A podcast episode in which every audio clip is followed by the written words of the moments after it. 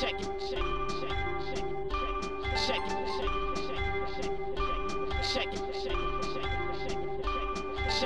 Zapraszamy na kolejny odcinek podcastu Codrive.pl, a w nim Formuła 1 czy piłka nożna. Cezary i Aldona opowiadają, czym przez weekend żył Katar. Zdradzą wam, jak wyglądał padok Formuły 1 w tym zastępczym wyścigu, dlaczego na gridzie panowała tak fantastyczna atmosfera oraz jakie gwiazdy udało im się spotkać. Zastanawiamy się także, co dalej z Mercedesem. Tłumaczymy, z czego wynika prędkość Louisa Hamiltona. Wyjaśniamy także cały spór dotyczący legalności tylnego skrzydła Mercedesa. Ralf Schumacher za to zaznacza, że zagrania silnikowe Mercedesa są niemoralne. Wracamy także do sobotnich wydarzeń. Czy Max zbyt często nie widzi żółtych flag? I ponownie dyskutujemy o sędziach. Michael Masti wraca do incydentu z Brazylii, kierowcy są zdezorientowani, a Lando Norris jest rozżalony za karę z Austrii. Oczywiście rozdajemy także propsy i disy za Grand Prix Kataru i wróżymy, co dziś o 9 rano ogłosi Orlen. Zapraszamy.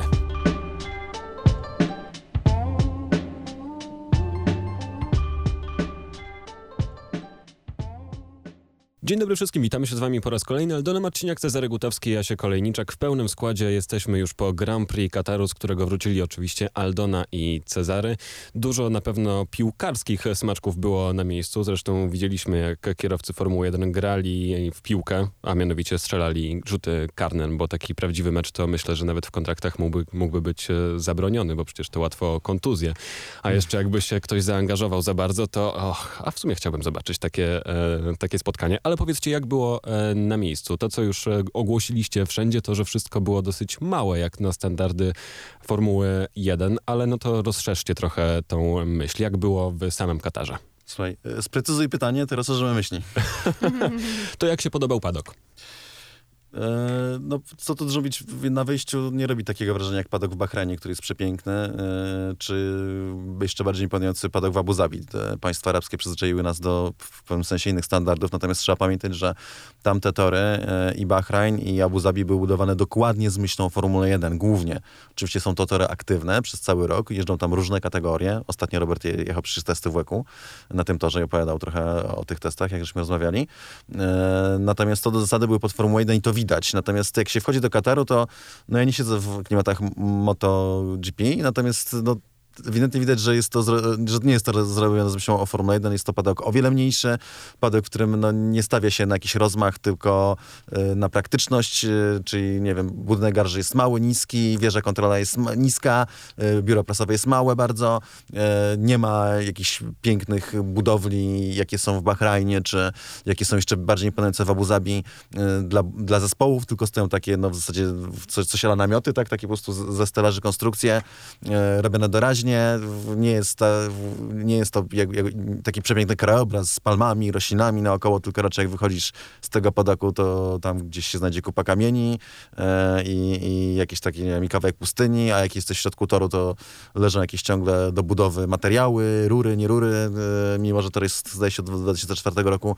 No klimat jest zupełnie inny. Widać, że to był tor wybrany doraźnie do tego, żeby w, jakby zrobić wyścig w kalendarzu e, zamiast rundy, która została odwołana z powodu powodu COVID-u. Natomiast to nie zmienia faktu, że miał swój klimat ten padok i dużo plusów miało to, że było wszystko właśnie takie mniejsze, dlatego, że było wiele bardziej kameralnie, że jakby środowisko Formuły 1 trochę bardziej się do siebie zbliżyło, wszyscy się częściej widzieli, częściej mijali, e, więc byliśmy trochę bardziej tak we własnym sosie. Ogólnie wszyscy, wszyscy ludzie z, z Formuły 1, czyli począwszy od kierowców, e, szefów ekip i mechaników, a skończywszy właśnie no, na dziennikarzach, skończmy, e, tak, żeby, żeby nie było. E, I to podziałało bardzo ładnie, bardzo fajnie, plus nitka toru była faktycznie bardzo dobra, bardzo ciekawa, i fakt, że był to tor projektowany z myślą o motocyklach, e, mimo tego, że sprawił pewne trudności kierowcom Formuły 1 niemałe i te pęknięte opony to była tak naprawdę głównie właśnie taka przyczyna, że to jest tor robiony pod motocykle, więc jego konfiguracja e, i jakby idea toru jazdy i to, jak się trzymają pojazdy w, to, w, to, w torze jazdy motocykli, no nie do końca pasuje Formule 1. Mówiąc w skrócie, to mimo wszystko tor jako, jako nitka był bardzo dobry, bardzo się kierowcom podobał, no i wyścig był o wiele lepszy niż się spodziewano, że będzie. A jak było w takim razie na gridzie? To do Aldony. Grid był fantastyczny. Cezary też to widział e, zresztą, bo do, sporo osób dostało dostęp e, na grid, co sprawiło, że, że ten grid naprawdę żył. Jak sobie przypomniałam, te smutne, proste, startowe z czasów początku sezonu, gdzie nikt nie miał dostępu. My, owszem, e, jako telewizja mieliśmy, ale musieliśmy stać na takim kartoniku metr na metr na wyznaczonej pozycji. Teraz już nie. Po raz pierwszy w końcu mogliśmy się ustawić, gdzie chcemy. E, mogliśmy, mm, my wybraliśmy stanowisko e, Maxa Verstappena, co oznaczało, że też e, byliśmy świadkami niemałego zamieszania, bo przychodzimy na ten grid. Na grid można wejść o godzinie e, 15 po pełnej godzinie, a więc te 45 minut przed rozpoczęciem wyścigu. I co widzimy? Przed Maxem Verstappenem, przed, a nie obok, stoi Valtteri Bottas i są przygotowani mechanicy na przyjęcie Valtteriego Bottasa. My patrzymy, patrzymy po sobie. 3 plus 3 wydawało się, że to jest 6. Wchodzę szybko na Twittera, bo oczywiście Twitter wie wszystko. Patrzę, jaką siatkę startową e, podała Formuła 1. Valtteri Bottas na piątym miejscu. O co chodzi? I tak się właśnie e, oni ustawili. Ja już zaczęłam kwestionować własną wiedzę, no bo Matematyczną. matematyczną, bo wydaje się to bardzo proste, a tu się nagle okazuje, że nie jest, więc myślę, o co chodzi. No i po chwilę w popłochu przed naszymi oczami zamieniają się miejscami, ponieważ no jednak okazało się, że Valtteri Bottas startuje z szóstego miejsca, a nie z piątego, tylko ktoś y, źle dodał y, 3 do 3. To dość zabawne, bo mówimy tutaj o Formule 1, tak, czyli tym sporcie, gdzie się obrót jest na miliardy. Zespoły już teraz w tym roku wydają niby, że 145 milionów już tylko dolarów rocznie, plus oczywiście kilka dodatków dodatkowych poza, mm, poza limitem, a wydawał do niedawna po 300-400 milionów dolarów i tutaj o każdy punkt i tak dalej. I nagle się okazuje, że y, ustawiają samochody na złym polu startowym i to nie kierowcy wjeżdżając na grid się mylą, tylko no, rozstawiają sprzęt w tym miejscu. I to jest, wydaje mi się, ten obrazek e, doskonale podsumowuje to, co, to, o czym mówimy tutaj tak od, od ponad roku, a o czym my jakby w mediach już od wielu, wielu lat, że to y, jest wspaniały świat, ale to nie jest świat lepszy w tym sensie, że wszyscy tam to popełniają błędy, nawet głupie. Yy, Nie, nie mówię o Maxie w sobotę na przykład. Ale do tego też. wrócimy. Ale no, no szczerze, no jeżeli całe tak, ekipy dwie ustawiają na złych polach startowych swoich kierowców przed startem, e, no, to, no to znaczy, że o, to nie jest tak źle, tak? Że oni są też tacy jak my. No i grid był pełny znanych osobistości. Mm, Mówimy o tym nawiązaniu do piłki nożnej. David Beckham, Marco Materazzi, Peter Schmeichel, Patrick Kluivert. Kto tam jeszcze był? E, materacji. No tak, to... Powiedziałaś? Tak, powiedziałam, bo to, to jest A jedyny to jest piłkarz, jeden z dwóch, których ja znałem, e, to na tym- Cezary ten. kojarzy. E, I Schmeichela sumie, jeszcze. Schmeichela też powiedziałaś. to prawda, w sumie To powinno jeszcze się ja powiem, była... materacji, Schmeichel. Beckham. Beckham, a Beckham, oczywiście był Beckham, najważniejszy, mówiąc szczerze, ten, co tam się cieszył największą popularnością. Beckham pokazał klasę. Beckham pokazał klasę, e, bo owszem, przyszedł nie sam na grid, ale to w ogóle nie miało nic wspólnego z tym, co widzieliśmy w USA, z tymi byczkami takimi, którzy chodzą obok tej pani i wszystkim mówią, żeby spadać.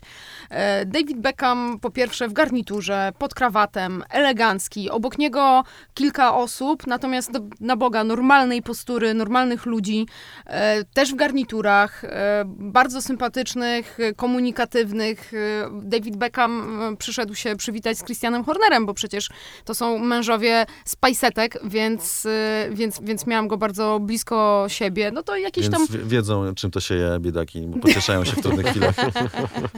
So jakieś- tell me what you want, what you, what you, what you, really, really want. Karaoke kodrive'owe zaraz otworzymy. Tak. E, więc naprawdę e, bardzo sympatyczny i widać, że też zainteresowany tym, co tam się dzieje. E, siedział w, gar- w garażu McLarena, robił sobie zdjęcia, tak jak fan normalnie, gdy Lando zjeżdżał. E, Cezary miał więcej swobody poruszając się po gridzie, więc wie jeszcze więcej, jak tam to wyglądało. Naczaskałem mu fotek przede wszystkim Beckhama. O. Beckhama z George'em, poszedł do George'a, się przywitali i ten, serdecznie sobie porozmawiali e, przed startem. Akurat jak George szedł e, na tę ceremonię e, odgrywania hy, hymnu e, katarskiego, tam to jest po prostu tak zrobione, że jest oddzielona linią prosta startowa i za tą linią jest, stoi już sobie samolot bezpieczeństwa, tylko kilka wybranych osób i tam dalej no była, e, bo to orkiestra grała, prawda? I dzieci śpiewały. Tak, i dzieci śpiewały, więc tam idą kierowcy, oni sobie przechodzą, cała reszta pod oku, to całe zamieszczenie cze- czeka za tą linią, ale podczas Beckham został puszczony za, tę linę w ogóle, co normalnie się ludzie nie puszcza, żeby tam z George'em chwilę pogadać, A Jackie pośmieli Stewart się. stał za linią. Tak, a Jackie Wiem, bo ja Stewart... stałam za Jackie Jackie Stewart i. Aldona Marciniak stali za linią. Wyobraź sobie, co za skandal. Beckham, Wpuścili, a Stewart i Marciniak nie. Napiszemy petycję w tej sprawie. E, I no też klasa, w sensie, bo ja potem trochę też, nie tak, że chodził cały czas za Beckhamem, bo ja tam chodziłem głównie patrzeć, no jakby chłonąć atmosferę tego, bo to jest cudowna rzecz znaleźć się przed startem. To są przecież wspaniałe procedury. E, takie w sensie, że to wszystko coś tam dzieje dokładnie, że kiedy wjeżdżają bolidy, kierowcy wysiadają z samochodów, e, idą się wysikać zazwyczaj, e, potem idą na, na jakkolwiek to dziwnie zabrzmi to e, zestawienie, czy wysiadają, rozbierają się, znowu wcześniej. się ubierają, a jeszcze na rasizm idą walczyć e, o- z rasizmem, e, więc no na przykład ja dużo byłem przy Lewisie Hamiltonie i obserwowałem, wiecie jaki to jest problem z włosami?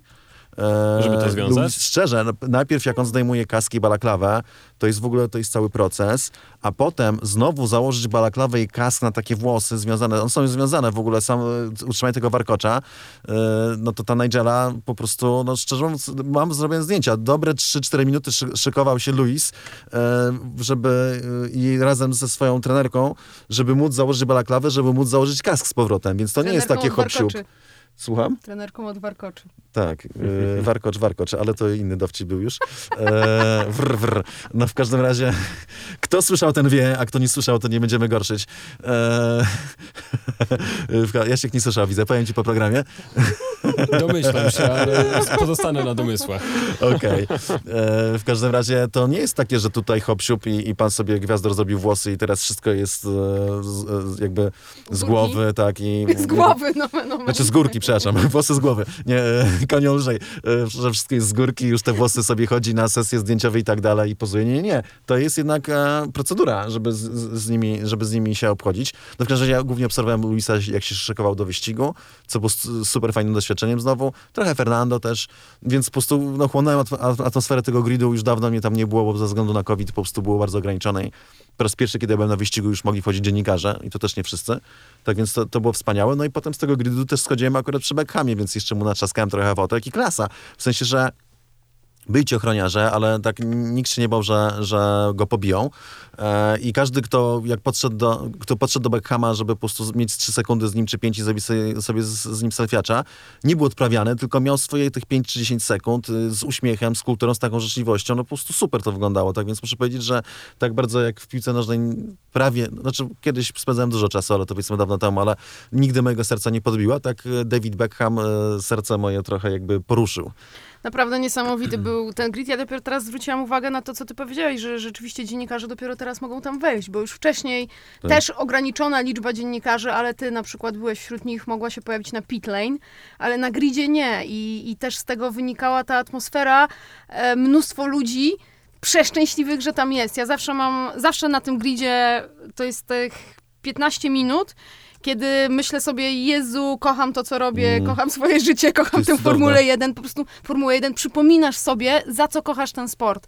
Atmosfera tam, to jest coś, to jest coś nieprawdopodobnego. Ale to jest to, E, co mówił, to, co mówił Brandon e, po tej całej aferze z tą Tak. panią, co już się za, I, ale wiesz, jakby czujesz jak pewną nazywa. świętość tego Tak, miejsca. tak, że to jest miejsce, w jesteś. miliony marzą, żeby być. Tak. E, I tutaj w, w, w, wchodzą jacyś ludzie, którzy mają to głęboko gdzieś, jakieś e, te goryle, nie goryle, rozpychają lu, ludzi e, Którzy po kątach. Tak, pracować. tak, gwiezdy, e, wielkie gwiezdy wchodzą sobie na jakiś gry Formuły 1, e, no po prostu to fakt, szczerze dopiero sobie zdałem z tego sprawę wtedy, nie? Jak bardzo to było żenujące, mówiąc szczerze, nie wracajmy do ne- negatywnych emocji. Po prostu jest to cud- cudowny moment. Ja też po prostu byłem e, no, wzruszony trochę tym, że znowu Tak. udało się wrócić na tego grida i po prostu być w tym miejscu i, i ten warkot tych tak maszyn, które, znaczy dmucha, w które chło- chłodzą Mm. samochody i mechanicy kręcący się przy bolidach ściągających koła, ostatnie przygotowania, e, ostatnie dyskusje, e, Max Verstappen, który miał lichę nie tęgą, ale też idąc wcześniej, Co miał?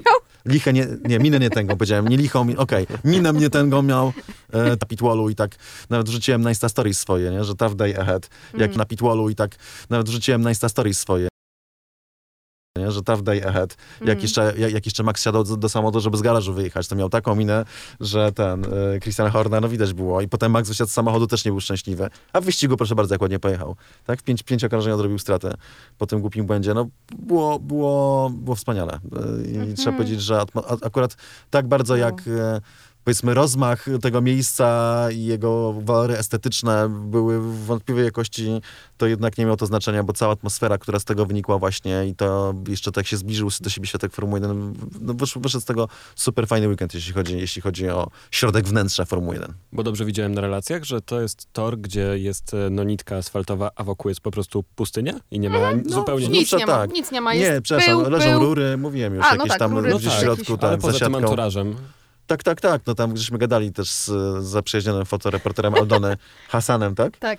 E, że ten, że ja mówię, no to mówię, to macie wspaniałe miejsce do robienia zdjęć, co? Mówię, mówię płasko wszędzie i ten, i wszystko szybkie zakręty. Y, No to powiedział, że tak, ale potem ja pojechałem na tor, poje- pojechałem wokół toru i było kilka super fajnych miejsc. Bardzo dobrze się ogląda samochody, które jednak jedą szybko. W tych sekwencjach łuków to świetnie wygląda z bliska, ze strony toru, albo te wszystkie momenty, kiedy na cięciach leciały iskry i to w biały dzień jeszcze, bo ja byłem na treningu trzecim akurat poszedłem na tor.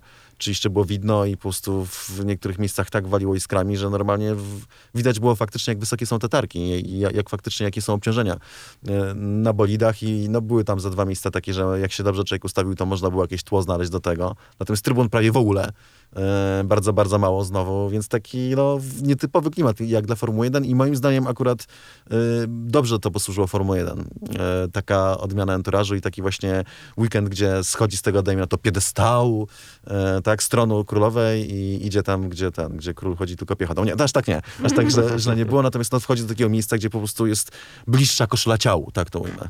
A do tego wszystkiego gdzieś w tle cały czas e, migotały Mistrzostwa Świata w piłce nożnej, które w przyszłym roku w Katarze będą się odbywały. Czuć było też klimat ten e, jakiś piłkarski? Gdzieś te nawiązania poza tą e, serią rzutów karnych było czuć? Znaczy mi się najbardziej właśnie ta seria rzutów e, faktycznie, że wychodzę z roboty, idę nagrać szybki strzał. Czy już go nagrałem i wrzuciłem? Wiesz, to nie jest to jakieś kluczowe Tak, nie jest to kluczowe w tym momencie. No, w każdym razie wy- wychodzę i widzę, że jakieś tam zamieszanie, gwizdki i, i tak dalej. Dobra, wejdę sobie tam przez tą i zobaczę, co się dzieje. Patrzę, a tam właśnie, no materacji to wiem, no bo ko- kojarzę. Nie, nie, nie pamiętam, jak wygląda, ale pamiętam z nazwiska, bo jednak sytuacja jakby, jaka zaszła między nim a Zidanem, Zidanem była na tyle charakterystyczna, że, że trudno było zapomnieć. Plus to materacji, tak Zidane to wiadomo było, że to jest taki, a, a, a ja nie, bo- nie, nie siedziałem tak w piłce nożnej, ale materacji nazwisko charakterystyczne, prawda? Sytuacja była... y, mi się bardzo podobała w tym sensie, że uważam, że całym sercem za. Zidanem bardzo dobrze zrobił, e, mówiąc w skrócie. E, natomiast, e, no i Schmeichel, którego doskonale znam, dlatego że, że no, jeżeli jakiś tak. turniej obejrzałem w życiu e, taki z wypikami na twarzy piłki nożnej, to były akurat Mistrzostwa Europy, nie pamiętam, chyba 92, jak Dania zdobyła Mistrzostwo Europy w ogóle w niesamowity sposób, wchodząc kuchennymi drzwiami po zdyskwalifikowaniu Jugosławii.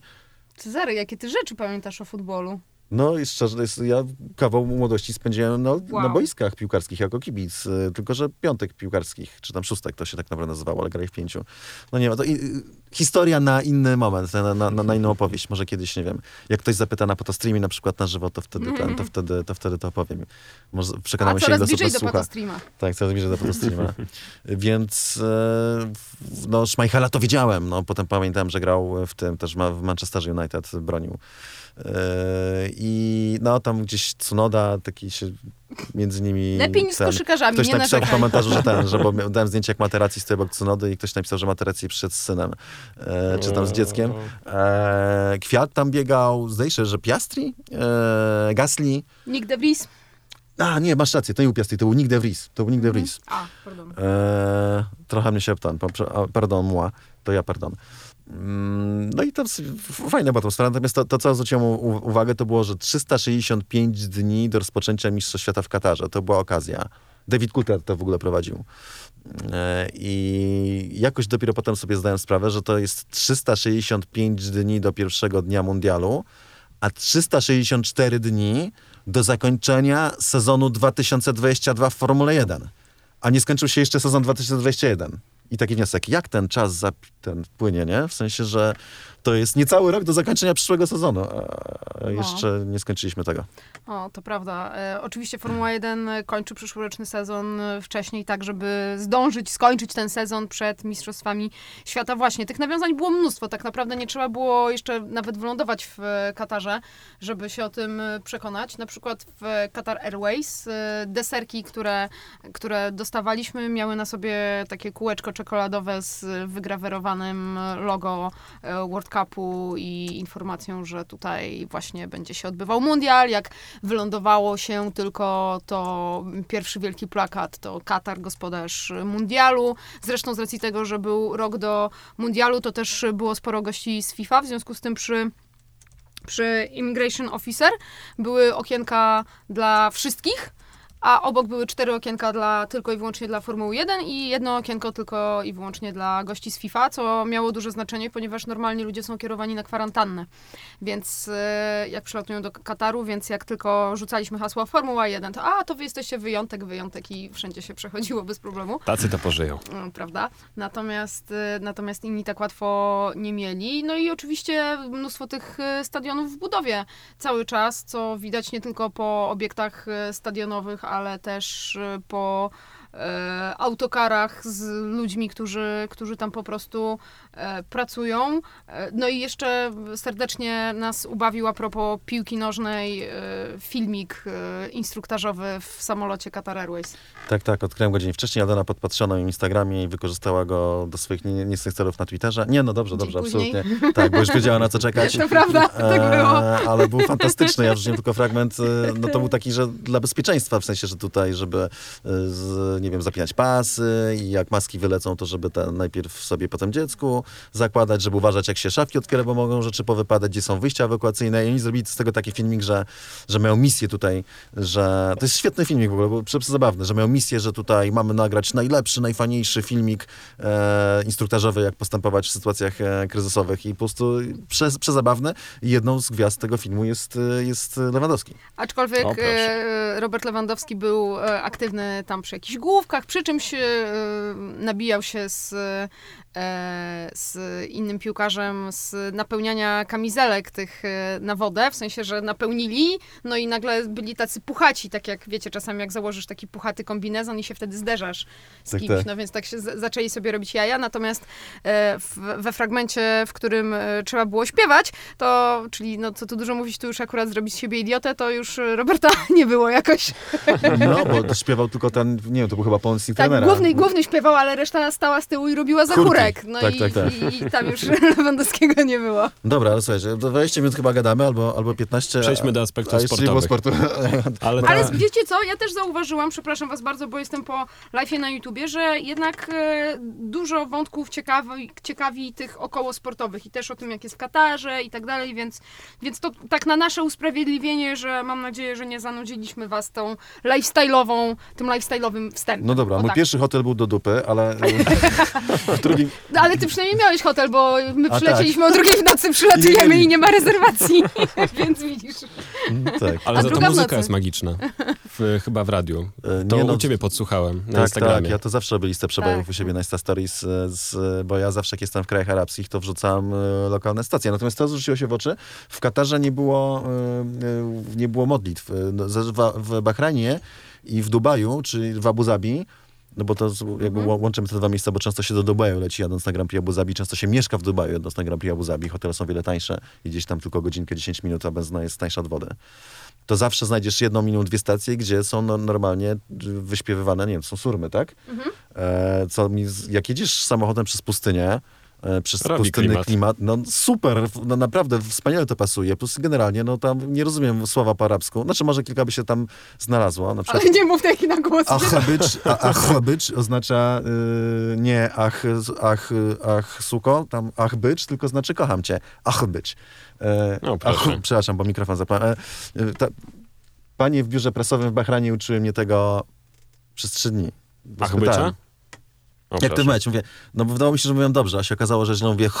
Dlaczego, dlaczego chciałeś mówić kocham cię panią w biurze prasowym? Nie chciałem mówić panią w biurze prasowym, tylko po prostu chciałem się dowiedzieć, jak się mówi, nie? No, no, no rozumiesz, trzeba, Okej. chodzi o to, żeby mieć dobre relacje No z, tak, tak. ludźmi. No w ten sposób sobie na pewno je zapewniłeś. Tak, tak, tak. Więc nie, te panie są z takiego kręgu kulturowego, że jeżeli już wchodzimy jakby w jakieś podejrzenia, że ja tutaj taki ten, no to nie, to one by je by powiesili, a mnie ukamieniowali, albo odwrotnie. Więc No. e, tutaj to było tylko i wyłącznie kulturalna jakby wymiana opinii.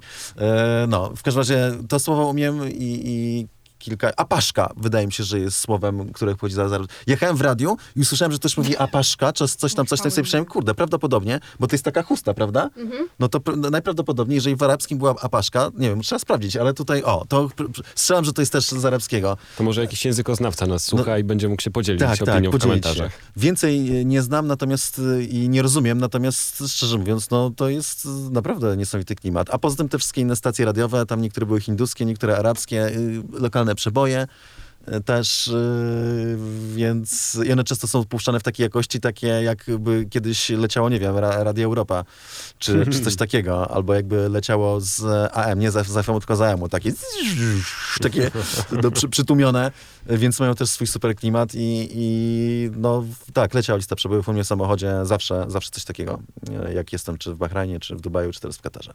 To przy wszystkich waszych relacjach, jak słyszę właśnie te dźwięki, to taki dodatkowy klimat się pojawia w tym wszystkim i wiadomo od razu, gdzie jesteście i że to nie jest e, fake, nie wyjechaliście na jakąś pustynię w Polsce przypadkiem. Błędowską. Dokładnie. Przejdźmy w takim razie do tych aspektów e, sportowych, bo o dziwo działo się naprawdę bardzo dużo i wszyscy byli zaskoczeni chyba tym, jak dobry to był e, wyścig, nie tylko ze względu na to, że Max odrobił te straty, ale no przecież też trzecie miejsce Fernando Alonso to jest wielka sprawa, ale może zacznijmy od Mercedesa i Louisa Hamiltona, a zacz- zacząłbym od tego, co powiedział Valtteri Bottas a propos sprzętu, jakim dysponuje w, tym, w tej chwili Mercedes.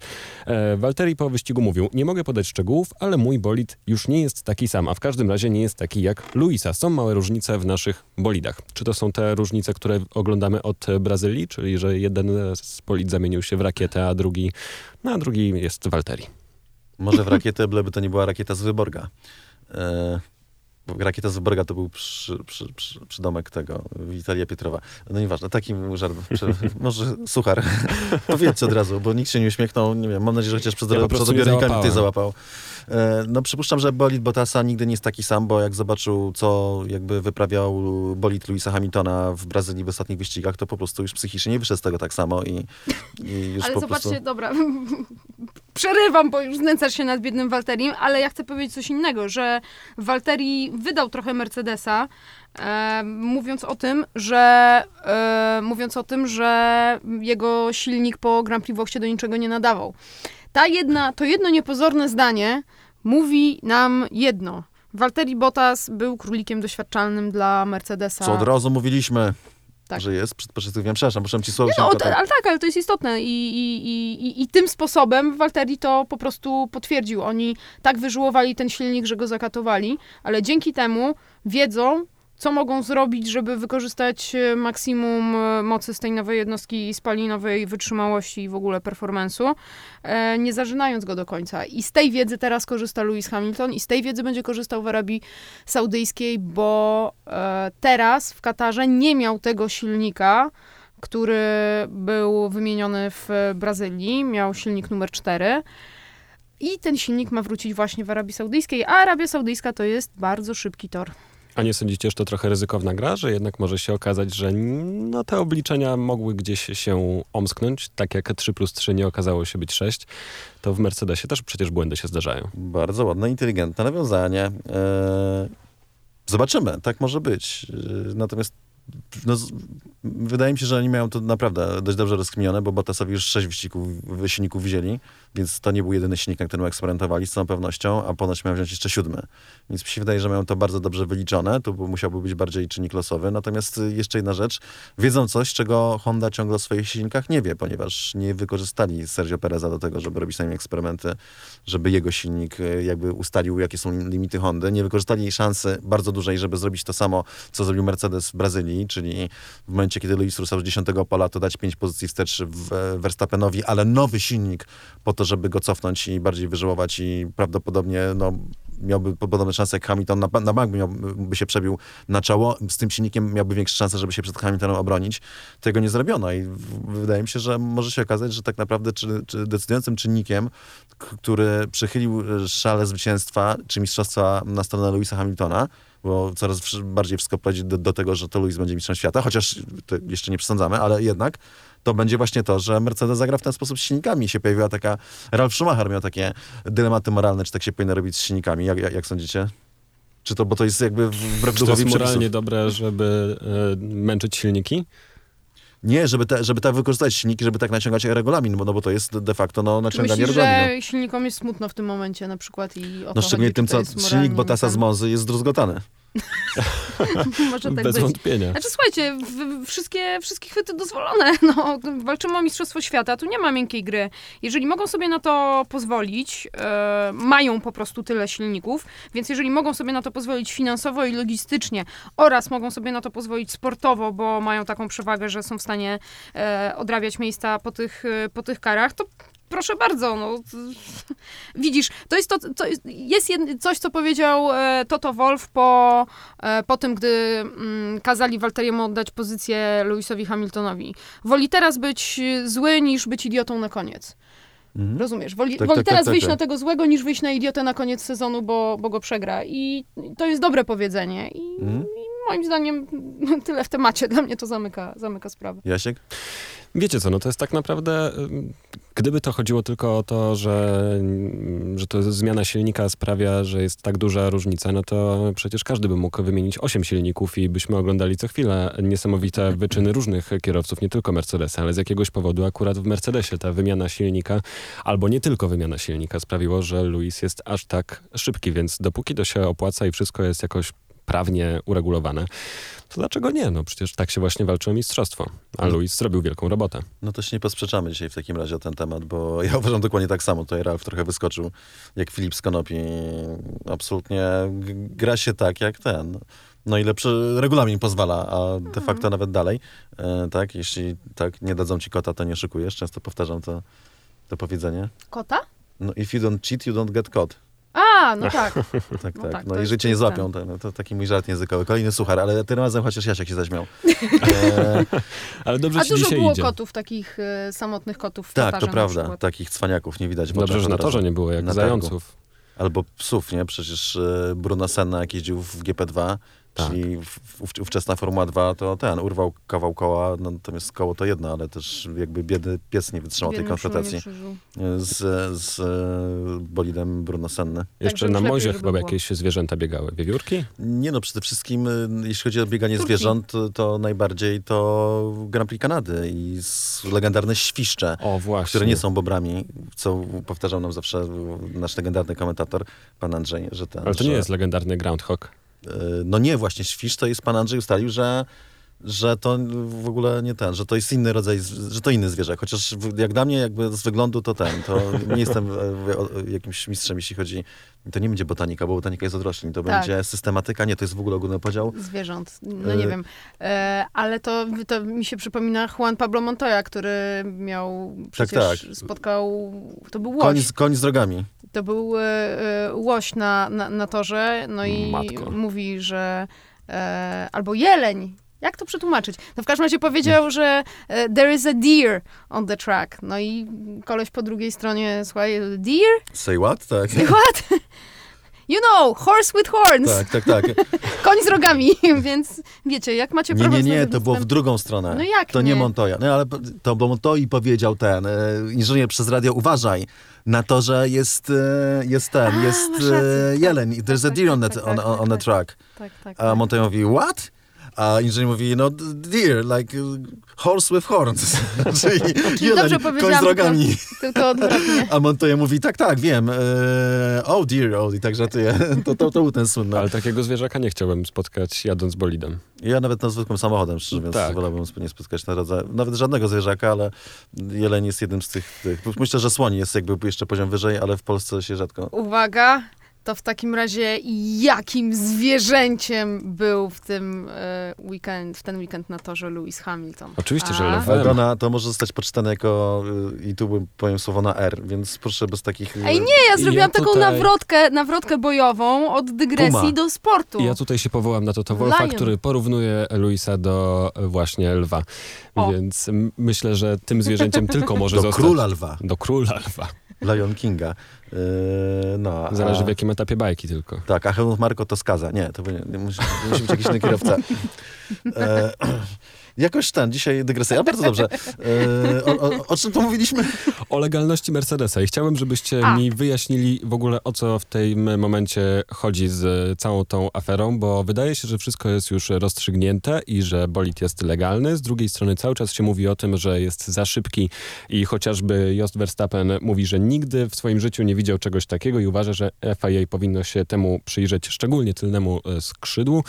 I ja w dalszym ciągu nie wiem za bardzo, na czym ta sytuacja stanęła, bo jest tyle informacji na ten temat, że wydaje mi się, że tylko wy, będąc na miejscu, możecie teraz wyjaśnić, e, czy to jest legalne w tym momencie, już zostało to zaakceptowane, czy jeszcze jakieś rozważania na ten temat będą. Zdaje się, że stanęło na tym, że Mercedes nie przywiózł tego skrzydła, co mieli w Brazylii, tylko przywiózł trochę inne skrzydło. FIA wprowadziła nowy test, ponoć 100 kg ciężaru na dolny płat tylnego skrzydła, bo chodziło o to, że Red Bull podejrzewał, że ugina się dolny płat, który jest ukryty przed kamerą pokładową i tego nie widać. Natomiast wykryli, y, znaczy fotogra- na fotografiach z bliska wygląda, że jest jakieś takie wyżłobienie z tyłu tylnego skrzydła, co Horner powiedział, że to jest dowód na to, że ono się wygina, y, na co, na co to mu mówił, że to są jakieś... Te- słynne score marks. tak, tak, tak, tak, e, tak. Christiana Hornera. Tak, tak, tak, że tutaj Mercedes oczywiście nie, nie, tutaj to, to, że w ogóle, że jakieś to ten, że duchy widzi, to powiedział Toto Wolf, mi się wydaje, że widział dobrze. E, Natomiast Christian Horner powiedział, że nie musi całować e, Toto Wolfa w tyłek. Tyłek, nie podczas konferencji prasowej, to chodziło o coś innego akurat w tym momencie chyba. Ale to tak akurat w ramach, w tak, ramach tak. Sie, wymiany. sie, a siedzieli obok siebie, w sensie, że Tak. je, z jednej strony siedział Toto, a z drugiej strony siedział Christian i Christian powiedział, ale bardzo grzecznie, nie powiedział mu słuchaj, ja nie będę cię całował w D, tylko powiedział, że Po angielsku. tak, tak, że inni szefowie zespołów mogą to robić, ale on nie, bo chodziło o to, ich, o, znowu dygresja w dygresję, ale to było fajne, to był bardzo fajny fragment. Ja wręcz z, nie dałem tweeta, bo po sobie pomyślałem, że chyba się przesłyszałem y, po prostu. Bo on Więc- powiedział, e, jeszcze tylko dodam, on powiedział ładnie, on powiedział ars. Ars, tak, Ja ars. musiałem wygooglować, bo też nie byłem pewien, co, co usłyszałem. tak, tak, no to to właśnie To jest powiedział, taki że... as, ale ładniejszy. Było pytanie, Ars. i bardzo dobre pytanie o ich relacje, że to tak w, w kontekście, w podtekście takim, że, że to tak wypada. E, no i tam Horner mówi, że przecież no nie raczej, ra, raczej razem świąt nie spędzą. Na co to, to powiedział, że szkoda. E, tak rzucił. E, no w każdym razie e, no opowiadał o tym, że to mogą się szanować, ale że to było nawet nie- nienaturalne, gdyby się uśmiechali do kamery, tocząc tak zaciętą rywalizację. Natomiast powiedział też, że y, nie, nie ten, nie będę... To było druga część zdania, że nie wiem, że nie musi, nie będzie mu wysyłał. Nie, że nie pójdziemy razem, nie będziemy chodzić razem na kolację i nie będę całował to to po tyłku. E, że to robią inni szefowie innych ekip. Dodał. I ten, co tym się bardzo właśnie spodobał, bo to tak trochę działa. E, czekaj, bo, cię, bo mówimy o całowaniu w tyłek, a znowu wyszliśmy z Ale jednego. cały czas legalność bolidu Legalność. Mercedesa. A, właśnie. Więc przywieźli, e, z tego co się mówi, przywieźli skrzydło już trochę, które się tak nie odgina, ale to i tak niewiele zmieniło, dlatego że i tak mają generalnie sztos furę jedną, bo ta Bottasa ewidentnie, Bottas powiedział, że tak już mówiliśmy o tej innej specyfikacji. E, to to jeszcze powiedział, to mnie rozbawiło, że tutaj Luis wchodzi w model, w mode superhero, w sensie, że aha, tak, no. mhm. Dopiero To teraz. jest słynne mistrzostwo tego y, y, Mika Schumachera, kiedy pół sezonu w Formule 3 był nigdzie i nagle od połowy sezonu bum i cały czas z przodu i wygrywa, nie? Wszedł w model superhero. No to najwyraźniej Luis nie dawał z siebie wszystkiego, słuchajcie, drodzy słuchacze, tylko dopiero od tych kilku ostatnich wyścigów zaczął jeździć tak szybko, jak potrafi i dlatego tak, to się z tego bierze, że tak roznosi Maxa Verstappena. Przecież nie jest to kwestia zmiany w bolidzie. A ja chciałam tylko dodać a propos tej konferencji, o której e, mowa, o której mówiłeś, Christiana Hornera z e, Toto Wolfem. Cezary wyszedł z biura prasowego i mówił mi, kurczę, po prostu była taka debata, to to był tam tak em, rzetelny, tak argumentował, że no, można było odnieść wrażenie, że tę debatę wygrał. Wygrał. Mm? Po czym e, ja potem rozmawiam w e, zagrodzie z Toto Wolfem, e, zobaczyłam fragmenty tego i mówię, no, no, to, co, to co ty powiedziałeś, że właściwie wrażenie wielu odbiorców było takie, e, oczywiście rozmawiając to po angielsku, wrażenie było odbiorców takie, że, że zmieniło się to w debatę e, i tę debatę wygrałeś, a Toto w tym momencie przestawił się na polski i mówi do mnie, tak, cieszę się, ja też tak myślałem. No zresztą, to super. No, Bardzo się także, cieszę. Także, także tak. To... Wygrał ją, ale też y, równocześnie ogłoszono, że nie będzie udzielał wywiadów na żywo podczas tego weekendu. Co było zabawne, bo Tak, i, i to też e, jeszcze e, nawiążę do tego, e, co, co, co z ekipą Eleven, ponieważ potem poprosiliśmy Toto o taką rozmowę o nim, nie o sporcie, tylko o nim, no bo wiadomo, polskie korzenie, biznesmen Słuchałem fragmentu, pięknie to, co mówi po polsku. i tak dalej. Jestem tak, wzruszony. tak, tak, tak. I, I Toto w tym momencie powiedział, no odwrócił się do Bradley'a, który jest e, odpowiedzialny za całą komunikację w Mercedesie i mówi Bradley łamie swoją własną regułę. Wiem, że mówiłem ci, że nie będę z nikim rozmawiał, ale tutaj, tutaj porozmawiam. Bo, no ale to właśnie dlatego, Super. że o nim, a, a, a nie o sporcie, bo, bo nie chciał już dolewać e, oliwy do ognia po prostu. Jestem jeszcze jednej rzeczy ciekaw, bo w internecie krążą zdjęcia ze zbliżeniem na tylne skrzydło Mercedesa i jest tam fragment, który jest tak poprzecierany. I czy na to ktoś zwraca uwagę podczas waszego pobytu w No to, to Katarze? są właśnie No to jest te, to właśnie te twarze. To jest- Stormarks. Okej, Tak, tak. to jest to, o To jest czym mówicie. Dobrze. To w takim razie jeszcze jedna e, kwestia a propos tego, co się działo w Katarze przy Mercedesie. E, czy zwróciliście uwagę na to, jak wyglądały pit stopy mm, Mercedesa i Red Bulla i to, że mechanicy sobie wzajemnie nie pomagali podczas tych pit stopów? To znaczy, że nie odciągali tych e, wszystkich kabli, żeby jeden bolid nie wjechał przypadkiem w strefę serwisową drugiego. Zwróciłem uwagę i nawet się zastanawiałem nad tym, czy ten dziwny ostatecznie pit-stop e, Sergio Pereza, tłumaczony obawą o opony, nie był tak naprawdę wywołany tym, że chcieli uzasadnić, dlaczego y, nie usunęli wszystkiego i całej ekipy z e, pola. Właśnie podczas pit-stopu, tylko, tylko tam, no, kiedy Luis zjeżdżał, to tam ciągle było jakiś rodzaj małego, drobnego zamieszania, typu faktycznie nie, usunięte te, te przewody i tam ja widziałem, że powoli tam się ludzie przesuwali, że to dlatego, że po prostu, że czekali na pit-stop e, Pereza, żeby mieć e, pod, podkładkę. Mm, No bo, znaczy w sumie cały czas jest ta linia oficjalna jest taka, że tutaj po awarii Bottasa to oni się obawiali, że znowu, że może się coś stać, ale... Ale to złośliwości To były. się żyło w oczy. To się, to się po prostu było, wrzuciło się w oczy, bo to, to, to, to było takie ujęcie z kamery, trochę z góry, od prawej strony i tak... Co oni tam robią? E, dlaczego e, tam siedzą? Przecież Max już wyjechał. E, Ale to jest w porządku, że rywalizacja się przenosi na takie małe detale, które w sumie, nie wiem, wydawały mi się, że są trochę jakąś kulturą Formuły 1, że tak jakby... Słuchaj, w miłości, w wojnie wszystkie chwyty dozwolone, a myśmy już, prawda, zapowiadali, że to jest wojna. Tak więc moim zdaniem tak i jeszcze raz do, dodam, bo y, czuję, że znowu się zdarzy tak, że potem y, za parę tygodni y, inni zaczną pisać i mówić to samo, że to jest najbardziej zacięta walka o Mistrzostwo Świata w historii tego sportu. Nie mam na myśli rywalizacji do końca między kierowcami. Tutaj wydaje mi się, że wcale nie jest bardziej zacięta niż walka na przykład Prosta z Senną, czy Piketa z Manselem, czy jeszcze kilka innych y, super pojedynków w historii, czyli ze sportowego punktu widzenia nie, one są ze sobą porównywalne.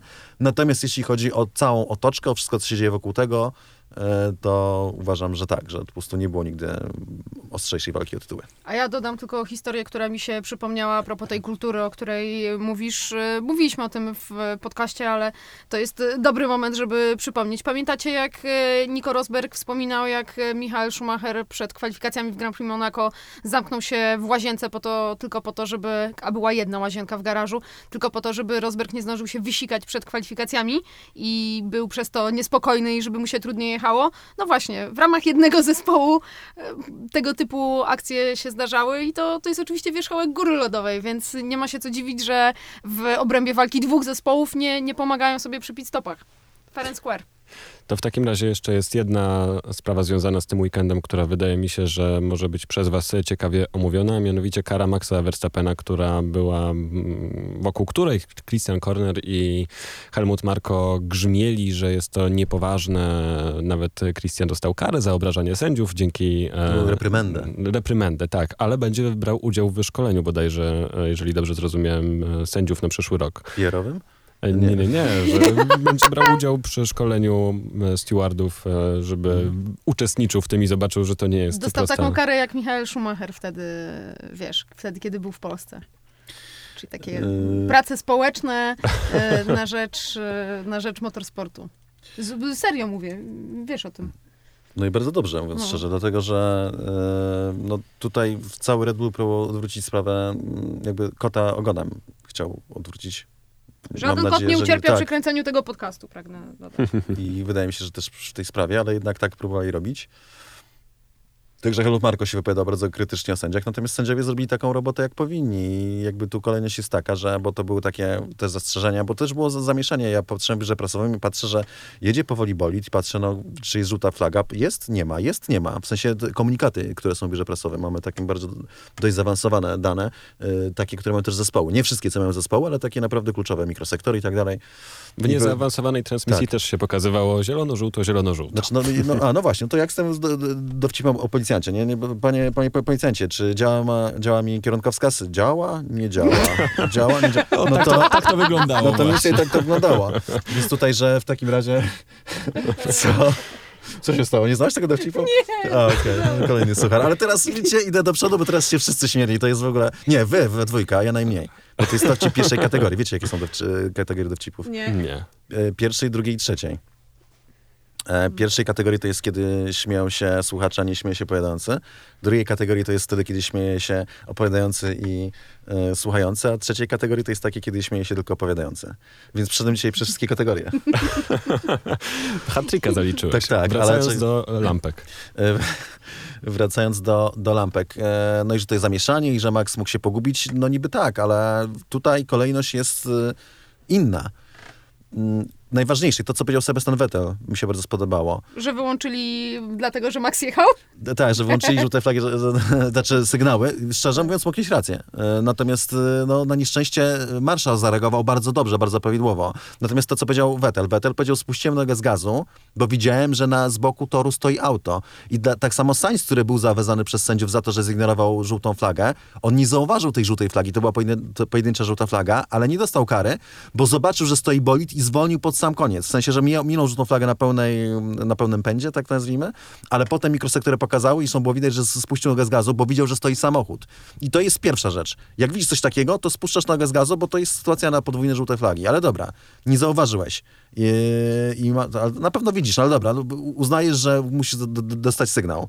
I nie dostajesz go ani w kokpicie, a nawet z boku po prawej stronie jest sygnał, że zielona. Okej. Okay ale po lewej stronie powiewa żółta flaga, analog. I analog w tej sytuacji, no wybaczcie, wy, wybaczcie droga młodzieży, ale analog jest ważniejszy. Dlaczego? Dlatego, że tam siedzi człowiek, który widzi i od razu może zareagować. Nie na, na systemie, że ktoś zobaczył w kamerze i mówi, słuchaj Haniek, wrzuć żółty sektor tutaj, prawda, i Haniek musi wcisnąć przycisk i jeszcze poinformować sędziego, żeby wywiesił flagę, tylko to jest sędzia. Sędzia widzi z flagą, że coś się dzieje i musi od razu reagować. Wyciąga flagę nieważne, czy mu każą, czy mu nie każą, po prostu to jest jego obowiązek, bo obok jedzie uszkodzony samochód, który za chwilę stanie i to jest koniec. I to jest najważniejszy sygnał. I obowiązkiem kierowcy jest to, żeby tą flagę zobaczyć i ją respektować w pierwszej kolejności. Jak już nie widzi, że się boli toczy, to, i, i, i, czy jak to do niego nie przemawia już samo w sobie, to y, widzi flagę i spuszcza nogę z gazu. Y, dziękujemy, do widzenia. Y, natomiast jeżeli Max jej nie zauważył, znaczy inaczej, nie, nie, nie, nie powinien być skonfundowany, dlatego że, dla, dla, dlatego, że no, jeszcze raz, ta flaga jest najważniejsza, ona wszystko przebija. Natomiast to, co najważniejsze, Max po raz trzeci w karierze zrobił coś takiego, że w kwalifikacjach nie respektował trzeciej żółtej flagi i po raz trzeci dostał za to karę. Tak więc, no, ile, ile razy można? Mówiąc w skrócie. Raz stracił w ten sposób pole position w Meksyku w 2019 tak. roku. Jeszcze do tego e, mówiąc na konferencji z niemałą dumą i arogancją, jak to on wie lepiej, jak prowadzić e, samochód. Tak, że więc, to jedzie samochodem i lepiej ocenia. Więc ten, ten bat kręcił na siebie Max już naprawdę od długiego czasu. Nie będę tutaj nikogo usprawiedliwiał, bo problem żółtych flag jest e, zauważalny nawet w Formule 1, ale powiem wam szczerze, że patrząc na różne serie motorsportowe, począwszy od kartingu przez Rallycross, Formułę 1, DTM i inne serie wyścigowe, e, to w każdej jest problem z tą żółtą flagą i nieważne, czy to jest amatorskie ściganie na rentalach w Warszawie, czy Formule 1, to wszędzie jest zawsze ten sam problem. No tylko, że stawka jest trochę inna, to jest ta mała różnica. Natomiast jeszcze wokół tej sprawy uważacie, że słusznie Christian Horner został wezwany w tym przypadku za obrażanie sędziów, albo inaczej, czy... No bo y, okej, okay, obraził sędziów i to nie jest spoko, bo nigdy nie powinno się tego e, robić tak generalnie w ogóle w świecie. Ale dlaczego Toto Wolf nie został e, w takim razie wezwany za Brazylię i Fagdemol? Mm, to ja, mm, to ja o, o Hornerze. On nie tyle obraził sędziów, co on obraził marszala i to nawet nie marszali, a tego konkretnego marszala.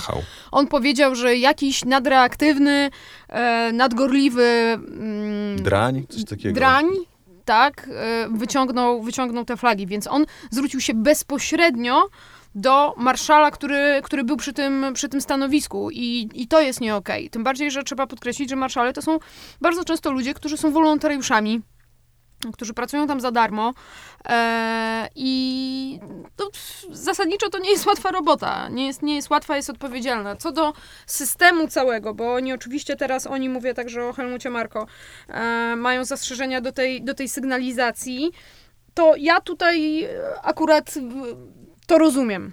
Mm, że, że, że nie podoba im się, że nie ma tutaj e, mm, jakiejś konsekwencji i sprawności działania przede wszystkim tego systemu, bo faktycznie problem polegał na tym, że tam były sprzeczne informacje na e, wyświetlaczu przy torze z tym, co pokazywał, co pokazywał Marshall. E, natomiast na tym polegał problem, że on się zwrócił bezpośrednio do konkretnej osoby, krytykując ją, używając jeszcze słowa, które może nie jest jakoś szczególnie obraźliwe, no ale jednak pejoratywne. A Toto Wolf z Fuck Them All e, był raczej takim wiecie, znaczy, on oczywiście tłumaczył się potem, że, że to nie było do sędziów, to nie było do rywali, że to bardziej taka kwestia nastawienia. W niebo. Krzyknął. Tak, yy, ale tak, nie żebyś ziemię, wiedział. Do piekła, żebyś wiedział, diabłów, co żebyś się... wiedział. Yy, napisałam, o tym, napisałam o tym felieton w przeglądzie ostatnio, że to jest yy, kwestia tego, jak bardzo oni potrzebują wroga. A, Rozumiesz? Czy, mhm. czy, czy ten wróg jest faktyczny, czy, czy jakiś, jakiś taki bardziej mglisty, to my walczący z nimi jesteśmy silniejsi niż tylko my, którzy chcemy sami, nie wiem, z siebie dać z siebie wszystko i tak dalej. Jeżeli masz tego wroga, motywujesz się w ramach całej organizacji. To nie chodzi tylko o to, żeby mm. Luisa. To, był, to była wiadomość dla całego zespołu. To mi przywodzi y, lekcję z historii zajęcia na temat, y, na temat y, mechanizmów tworzenia dyktatury i jakby podwaliny tworzenia nazizmu. Cezary, student historii. Tak, że musisz mieć wspólnego wroga. Tak, ale wiesz, ale to, to działa jako, jako, jako mechanizm motywacyjny.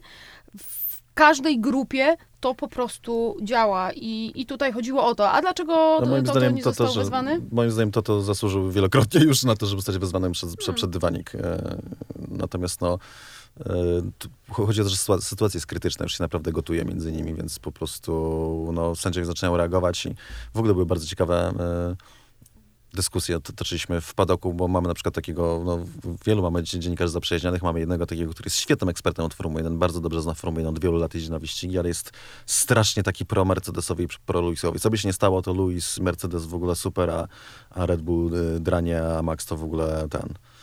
E, I on miał teorię, że y, FIA czy Liberty, czy że organizatorzy chcą, żeby, że, że, że to Red Bull jest faworyzowany i Max i że chcą, żeby zdobył to mistrzostwo.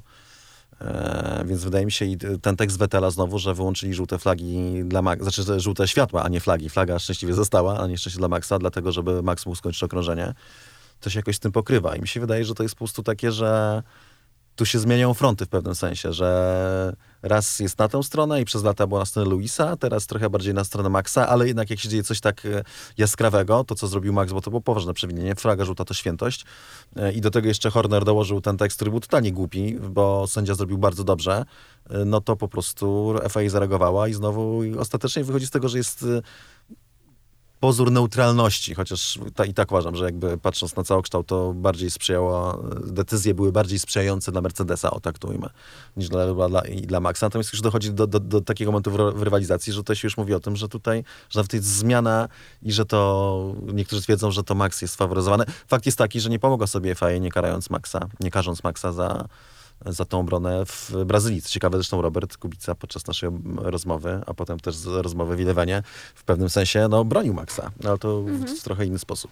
To może przejdźmy od razu do tego tematu, skoro już go wywołałeś. Propsy i disy sobie zostawimy na e, koniec. Michael Massey wrócił jeszcze do tego tematu z Brazylii, odwołując się właśnie do tego, dlaczego nie rozpatrzyli ponownie tej e, sytuacji, dlaczego ta kara nie została uznana i Michael Massey bardzo długą wypowiedź na ten temat wygłosił mm, i mówi tak. Przyglądamy się każdemu incydentowi osobno, tak jak to robiliśmy w każdym innym przypadku. Jest grupa niezależnych sędziów i w przeciwieństwie do tego, co myśli wiele osób, nie jestem osobą, która tam siedzi i decyduje. Przyglądamy się sytuacjom, mamy sędziów, którzy rozpatrują każdy incydent i tak jak widzieliśmy podczas ostatniego weekendu, oni decydują, czy dany przypadek jest wart dalszego rozpatrywania. Jeżeli uznają, że tak, to sprawdzają wszystko i decydują, czy było przewinienie, czy nie.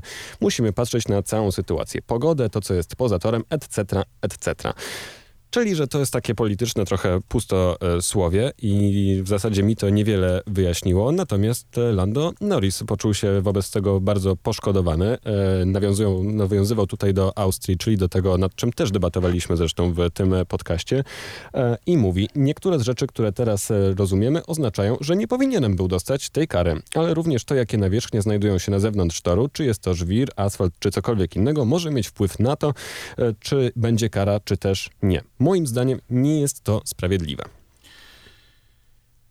Dużo. Znaczy to uzasadnienie, że żwir i nie żwir to było, e, to jest słuszne faktycznie, bo to jest różnica. Natomiast moim zdaniem Norris wtedy, no to Perez powinien się sam troszczyć o to. Znaczy to zależy jak spojrzymy. Z jednej strony mamy przepis, który mówi, że masz zostawić miejsce, więc faktycznie jak masz zostawić miejsce, to masz zostawić miejsce i tyle. I Max Max go nie zostawił. Natomiast inna sprawa, że Norris wtedy to się mieścił w torze. e, No i że no to Perez sam wyjechał na żwir. Ostatecznie. Więc naprawdę to werdykt zależy od tego, jak patrzymy na Formułę 1. Problem polega na tym, i to tak naprawdę zrobiła FIA pod koniec weekendu, yy, znaczy podczas tego weekendu, że zamiast wyjaśnić, że trzeba robić tak i tak, albo tak i tak, no i powiedzieli, nie, nie, każda sytuacja jest inna i to jest takie złote tłumaczenie FIA. Właśnie to, to jest największe usprawiedliwienie ich yy, niekonsekwencji, która jest rażąca i mówimy o niej od dawna. I mówimy i piszemy. Yy, Jest, jest, nie powinno jej być, bo to nie wszystko można w ten sposób wy- wytłumaczyć, ale wytłumaczenie jest takie, że tutaj sędziowie, co, to skład sędziów, tak on się zmienia z wyścigu na wyścig. Yy, Nie zawsze, ale, ale zazwyczaj. Yy, I każdy przy, przypadek jest inny, tak, no bo czasami bolid jest czarny, a czasami jest biały na przykład. Mi się wydaje, że to się do tego wręcz sprowadza. Szczerze, no, naprawdę. Znaczy nie do kolor bolidów, bo to jest przenośne, ale do tego, to co powiedział Alonso, od paszportu kierowcy i to jak jest kierowca na bank, takie, takie decyzje są podejmowane. To jest, e, wracamy teraz do przypadku, e, dlaczego Tsunoda dostał karę za zderzenie e, ze Strolem. No też chciałem właśnie to Kiedy sytuacja była niemal identyczna jak Mick Schumacher i, Nik- i Nikita Mazepin, przy czym e, różnica polegała na tym, że Mick Schumacher e, Zareagował. Mazepin, ta, tak, zareagował. Mazepin tak, e, atakował tak samo. I nagle tutaj mamy bohatera, a tutaj mamy frajera, te, a, a drugi kierowca atakowany, no po prostu, z, z, moim zdaniem to był incydent wyścigowy. Więc generalnie z, dochodzimy do momentu, kiedy nie wiadomo za, za bardzo, co robić, jak robić, dlatego, że sędziowie w każdej chwili, w każdej sytuacji mogą powiedzieć, że no jednak tutaj tarki były e, zielono-żółte, a nie biało-czerwone i w związku z tym jednak tym razem to nie było legalne. I to jest największy problem. Tego e, nie rozwiązano i oto była cała afera. Na konferencji prasowej po kwalifikacjach, kiedy siedzieli e, Max, Max Verstappen, Lewis Hamilton i Valtteri Bottas, pytanie ewidentnie wywołane na życzenie e, albo Hamiltona, albo raczej e, rzecznika prasowego Mercedesa. Zadała je pani, która nigdy pytań nie zadaje. E, I to tak działa czasami, że są po prostu proszeni dziennikarze, żeby ten, szczególnie ci nie zawiśli. Ja nigdy nie zostałem nic takiego poproszony, dodam od razu, żeby, żeby starać pewne tematy. I Max mówi ostatecznie, że tak, wiemy jak to podziała, a Lewis Hamilton mówi, nie, nie wiemy, nie rozumiemy. I Valtteri Bottas mówi, że w 20% wiemy. W 20% wiemy, co jak robić. Więc e, no, to jest ogromne zamieszanie. Potem właśnie się Massive powiada, że oni wiedzą, co robić, bo jest powiedziane, że każdy przypadek jest rozpatrywany osobno. Tak więc to, to wszystko się sprowadza dokładnie do tego, o czym mówimy od, od, od, od dawna, tak, odkąd jest ta audycja. Sędziowanie w Formule 1 jest słabe, w tym roku jest y, absolutnie fatalne. No ale jest jaki jest i tyle. I trzeba po prostu grać y, tak tymi żetonami. Tymi kartami się gra, które dostaje z rozdania i tyle. Max dostał trochę gorsze moim zdaniem. Ale to nie znaczy, że to jest niesprawiedliwe. To jest po prostu... Adela mnie nauczyła kiedyś tej zasady, że sprawiedliwie nie znaczy porówno. Hmm. A nie macie wrażenia, że sędziowie trochę boją się zdefiniować ściganie, jakie jest w tym momencie przepisowe? Bo z jednej strony mamy takie incydenty jak e, właśnie Maxa z e, Luisem z Brazylii. Później widzimy, że Yuki dostaje karę za, za to, co się wydarzyło z, z As- Astonem Martinem. I mam wrażenie, że gdzieś jest próba tego mm, posegregowania i pokazania, co wolno, a co nie wolno, ale w momencie, gdy zaczyna to być walka o czołowe lokaty, to sędziowie nie mają jaj, żeby podejmować takie decyzje e, spektakularne, tak bym to nazwał. Słuchajcie, no to jest. To jest temat rzeka i jest to temat y, trudny i tak naprawdę tutaj nie ma złotego, złotego rozwiązania, bo z jednej strony, to też zresztą zwracał na to uwagę e, Robert w rozmowie z tobą, Cezary. Z jednej strony um, upieramy się przy zasadzie let them race, narzekamy, że nie ma ścigania, narzekamy, że kierowcy nie mogą walczyć. Z drugiej strony, gdy, gdy to robią, to tak naprawdę, no to, no to znów narzekamy. No, ale dowodził tego, że dzieje. jak mamy powiedział, że 20 lat temu to by nie nastąpiło, no bo Mhm. żwir tam był, w sensie, nie, mówi, że jak dajemy kierowcom miejsce, gdzie mają pojechać, no to... To nie dziwmy się, że z niego korzystają. Tak, i powiedział wręcz, nie wiem, czy powiedział wam to, w, jak roz- rozmawialiście z Eleven, ale, ale mi powiedział, że gdyby Max tego nie zrobił, to by w ogóle nie byłoby go w Formule 1, gdyby tego nie miał w sobie, bo na, na, Mhm. kierowcy na najwyższym poziomie po prostu szukają każdej szansy do tego, żeby, żeby czy to się bronić, czy atakować. Tak więc to jest spojrzenie na to, na to Roberta. Super, zresztą bardzo fajne, insiderskie. Mm, To we vlogu to cytowałem e, swoim i, i też rzuciłem na Facebooku e, do, do, dokładne wypowiedzi, że nie będę teraz, wszystkiego cy, cytował. No więc jest to takie trudne zagadnienie ostatecznie do... No ja nie zazdroszczę sędziom, tak bardzo jak Mm. krytykuję decyzje często, to jednak e, im nie zazdroszczę, ale są sytuacje niektóre bardzo jaskrawe. I no, po prostu błędne, błędne oceny, błędne decyzje i no, na przykład tak jak Robert uważa, że nie powiedział tego expressis ve- verbis, że, że Max, że gdzie się Max pcha, pchał na Monzy i Robert uważa, że Max był sam sobie winien, tak ja uważam, że Max nie zasłużył na karę, to był incydent wyścigowy. I tyle, Max się mieścił w torze. I to, to jest też warte, warto to porównać, bo Andrew Benson, e, broniąc z brytyjskiej racji stanu, przywoływał, że Silverstone, że tutaj, że tu Max nie zostawił miejsca i Louis zareagował i wyjechał poza tor i się nie zderzyli, a na Silverstone to Max nie zostawił miejsca Louisowi i się zderzyli, co były dwie zupełnie różne sytuacje. E, Chociażby jeśli chodzi o wynik, to się zastanawiam, dlaczego Monzy nie, nie tego, nie przywało. Przecież Max się zmieścił w torze, był po zewnętrznej i Louis odbił w jego stronę, żeby do, do, doprowadzić do kolizji między dwoma zakrętami. De facto. Co Robert usprawiedliwiał tym, że gdzie się Max pchał, że tak się nie po prostu... I generalnie starsi kierowcy, typu Damon Hill też. Bardzo mało kierowców, mówiąc szczerze, rozumiało, dlaczego Max dostał karę, no ale to nieważne. Robert był jednym z nich i Damon Hill. No ale przecież wtedy Max się mieścił w torze i też został e, z niego wypchnięty. No to jak to? Jak to ma działać?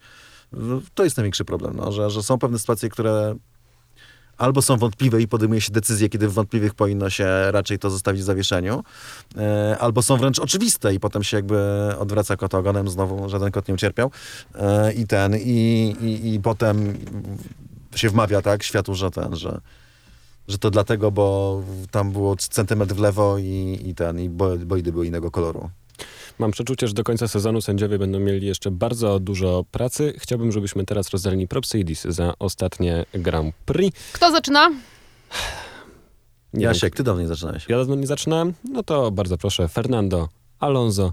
Od razu zabiorę ten złoty strzał, który, którego chyba nie trzeba nikomu wyjaśniać. Bardzo się cieszyłem z tego, że Fernando dowiózł to trzecie miejsce. Wierzyłem już po jego wypowiedziach z przed startu wyścigu, że może, że może namieszać w czołówce i się nie zawiodłem. No to ja w takim razie, jak ty wziąłeś Fernanda, no to ja powiem, że Lando Norris. Lando Norris, który miałby bardzo dobry wyścig y, na koncie, gdyby mu ta gumka nie szczeliła. A powiem ci, że bardzo się cieszę z tych ciężkich ostatnich doświadczeń Lando. Naprawdę mam wrażenie, że to patrząc na jego ostatnie e, wypowiedzi jest bardzo mocno przetrenowany przez Formułę 1 w, od końca, od Soczi. Czy jesteś więcej. fanem ziem- zimnego wychowu? Mój team. W tym momencie tak. Potrzebował chyba tego. Aldona? A ja Max Verstappen i użyję argumentacji Cezarego. Max Verstappen nie mając y, nawet w połowie tak y, dobrego bolidu, jaki y, miał na przykład Lewis Hamilton w Brazylii. Po pięciu okrążeniach przebił się z siódmego na drugie miejsce na torze, o którym mówiliśmy, że nie da się na nim wyprzedzać, więc żeby to nie przeszło bez echa, Max Verstappen. Jeżeli chodzi o disy, to ode mnie dla Walteriego Bottasa, który musiał być popędzany przez Toto Wolfa, żeby zaczął, żeby się wziął za e, robotę. Swoją drogą bardzo źle brzmią te komunikaty Toto Wolfa do Walteriego. Mam wrażenie, że traktują go trochę jak psa, przepraszam, ale to brzmi naprawdę niczym komendy. Go get them! Go Tak, get to, to taka moja osobista refleksja, ale wśród znajomych e, też mamy takie, takie wspólne odczucia, że no, nie chciałbym, żeby ktoś tak do mnie mówił. Ja miałem inne skojarzenia. No ale już nie, nie, nie dziel Nie się będę- nimi, tylko nie powiedz nam komu Disa. No powiem szczerze, że nie za bardzo mam komu. Patrząc na to, widząc co się działo, y, to w zasadzie każdy... No nie mamy się do kogo przyczepić w tym wyścigu, więc powiem Yuki Tsunoda, bo to łatwy cel. Nie, no nie bądź Nie, no taki. też nie za bardzo mogę Yukiego Tsunoda, dla, dlatego że no i Gasly miał fatalny wyścig z powodu opon, więc głupio mi, ale, ale nie za bardzo, nie za bardzo potrafię Czyli zostajemy w pozytywnym Danielowi Ricardo nie będę dawał, dlatego że on też miał swoje powody, że, że mu tak źle poszło. Wiem, że To daj mu za kwalifikację. Ja chciałam dać Danielowi za kwalifikację. No, a ty kogo będziesz miał wtedy? Mm. George'a Russella. A, dobra, no to yy, w takim razie yy, Daniel Ricardo za kwalifikację. Myślę, że to jest doskonały wybór, zgadzam się z tobą, ale tylko za kwalifikację, ponieważ w wyścigu miał swoje powody. Tak, tak, paliwo, których? kazał mu cały czas oszczędzać paliwo prawie.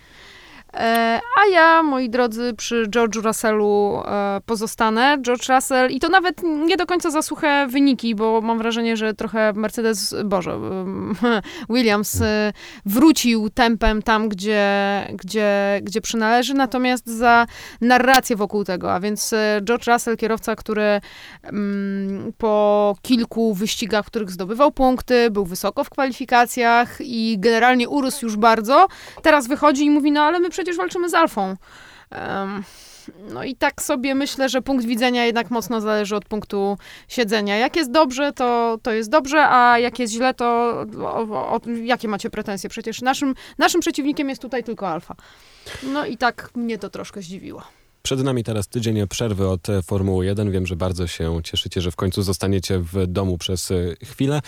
I my także w takim razie będziemy odpoczywać w ten weekend. Natomiast jeszcze w momencie, w którym nagrywamy ten program, to jest w przeddzień konferencji Orlenu, w której ma zostać ogłoszone coś, nie wiemy co, ale Aldona i Cezary się czegoś e, domyślają, więc e, pytam, e, co może się wydarzyć o 9 rano w środę? Co to za hot news ogłosi nam Orlen? To ja powiem pół podejrzenia. Pół podejrzenia jest takie, że Ron ogłosi, że zostaje w Formule 1 i że ogłosi, że zostanie w Formule 1 z Alfą Romeo. A moje drugie pół podejrzenia, przy czym zaznaczam, my sobie gdybamy, to nie jest tak, że wiemy, tylko nie chcemy powiedzieć, jest takie, że e, Orlen ogłosi, że zostanie z Robertem Kubicą w jego programie wyścigowym. A czy będzie z tego ogłoszenie, że Robert będzie na przykład kierowcą trzecim Alfa Romeo? Jeżeli nic się nie zmieniło gwałtownie w ciągu ostatnich dni, to raczej nie. Chyba, że coś dopięli, nie wiem, w poniedziałek się coś okazało, czy w niedzielę, bo Robert mówił o tym, że jeszcze pewne rzeczy muszą zapaść pewne decyzje, żeby, żeby tak na- naprawdę wiedział, w jakiej to będzie konfiguracji. Więc no nie wiem, jak mamy szczęście, to może się okazać, że faktycznie już jest dopięte i będzie i tutaj wiadomo, że będzie trzecim i tutaj, nie wiem, łek może. Chociaż też tak mówił, że kto powiedział, że będzie jeździł w Endurance. Moim zdaniem powiedział to przekornie. I ra, Moim raczej zdaniem będzie... program Roberta jeszcze też nie zostanie ogłoszony. No nie, mi się wydaje, że jest tylko, za wcześnie. tylko, Tylko, tylko te dwie to rzeczy, tak prawdopodobnie. Tak. że e, Orlen, Orlen, w Alfie, 1 i tak, i a- z, Robert, z i Robertem. Orlen z Robertem. No ale zobaczymy, może, A może będzie niespodzianka. A więc kto słucha nas przed dziewiątą rano może się doczepić do tych wróżb, a kto później, to już jest mądrzejszy od nas y, niż my w tej chwili. Za dzisiaj bardzo dziękujemy. Aldona Marciniak, Cezary Gutowski, Jasie Kolejniczak.